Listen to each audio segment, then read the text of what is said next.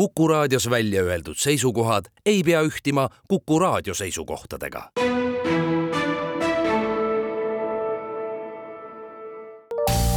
terviseks.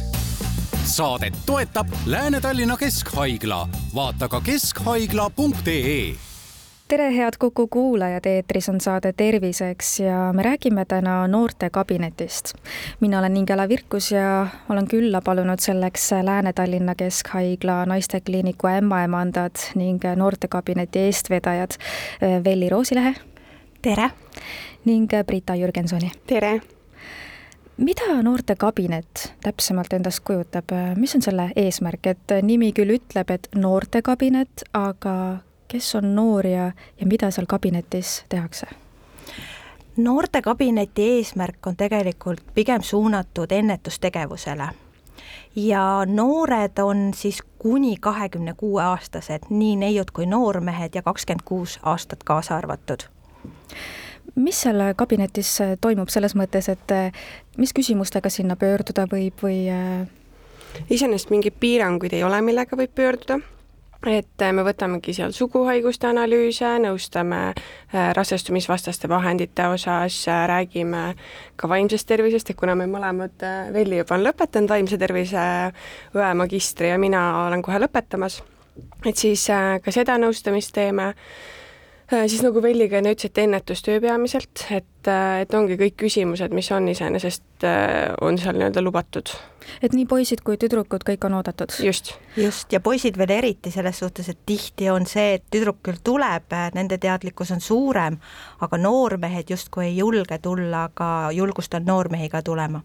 aga teie olete ämmaemandad, et äh, kas siis kõik spetsialistid on seal kuidagi ära jaotatud või vastavalt sellele, kui inimene hakkab või kui noor hakkab endale aega broneerima, et äh, siis äh, ootabki teda seal noortekabinetis keegi või see noortekabinet otseselt ei olegi üks selline konkreetne kabinet, vaid et lihtsalt äh, võimalus äh, spetsialistiga kohtuda ja jaa, just, et meil on seal äh, olemas gümnakoloogid, on olemas siis ämmaemandad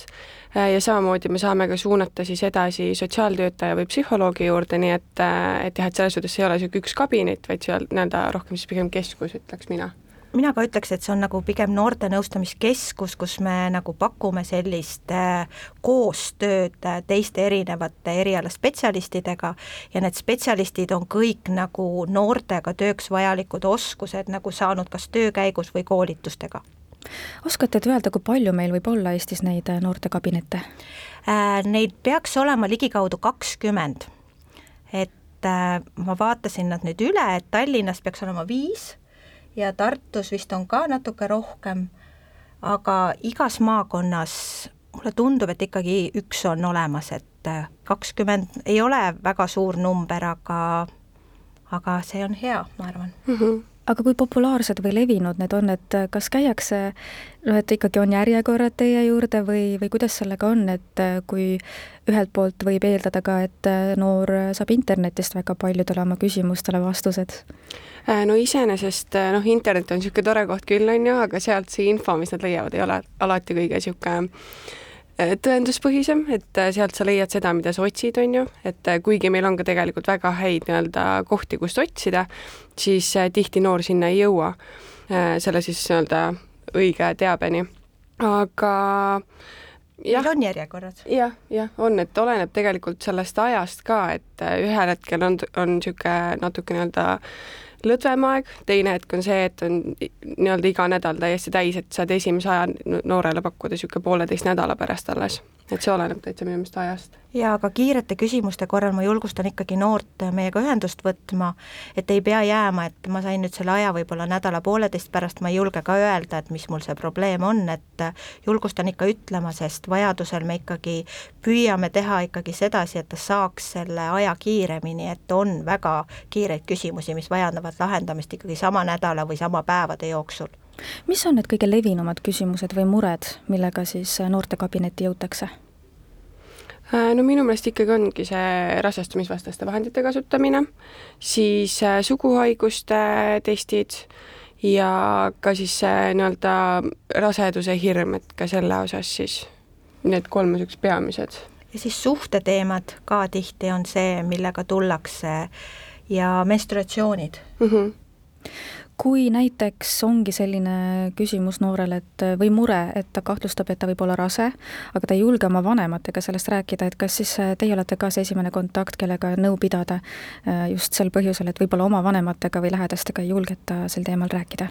ma arvan küll ja kindlasti, mida varem ta meie juurde pöördub, seda parem on.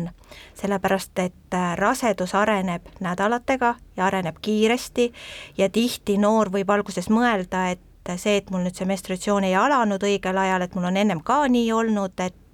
et küll ta tuleb, ei julge ta võib-olla ka seda testi teha, sellepärast et võib-olla sealt tulebki see kaks triipu, et julgelt jaa, tulgu meie juurde ja siis vaatame juba koos edasi kuidas te üldiselt hindaksite seda ühelt poolt, et kui palju näiteks lapsed julgevad oma vanematega neil teemadel rääkida, aga teiselt poolt ka kooliharidust, et kas see haridus, mis nii-öelda sealt antakse lapsele kaasa, kas sellest piisab?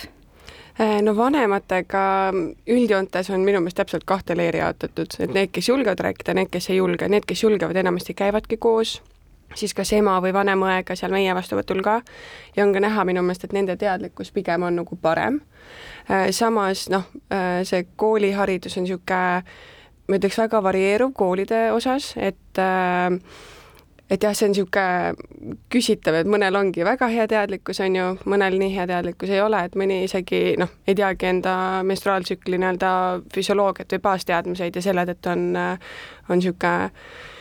nii-öelda raskem kogu see teekond nende jaoks, sest et nad ei saagi aru, mis on nii-öelda normaalne ja mis ei ole, on ju. Jah, et äh, nagu Brita ütleski, et see kooliharidus ja vanematega rääkimine, et see tõesti sõltub ja siin ei ole nagu mingit head algoritmi või, või niisugust, et täna oli selline ja võib-olla sellel on selline, et äh, see on hästi erinev. ja need, kes julgevad oma vanematega rääkida, väga hea, see on see, et ka vanem saadab meile teda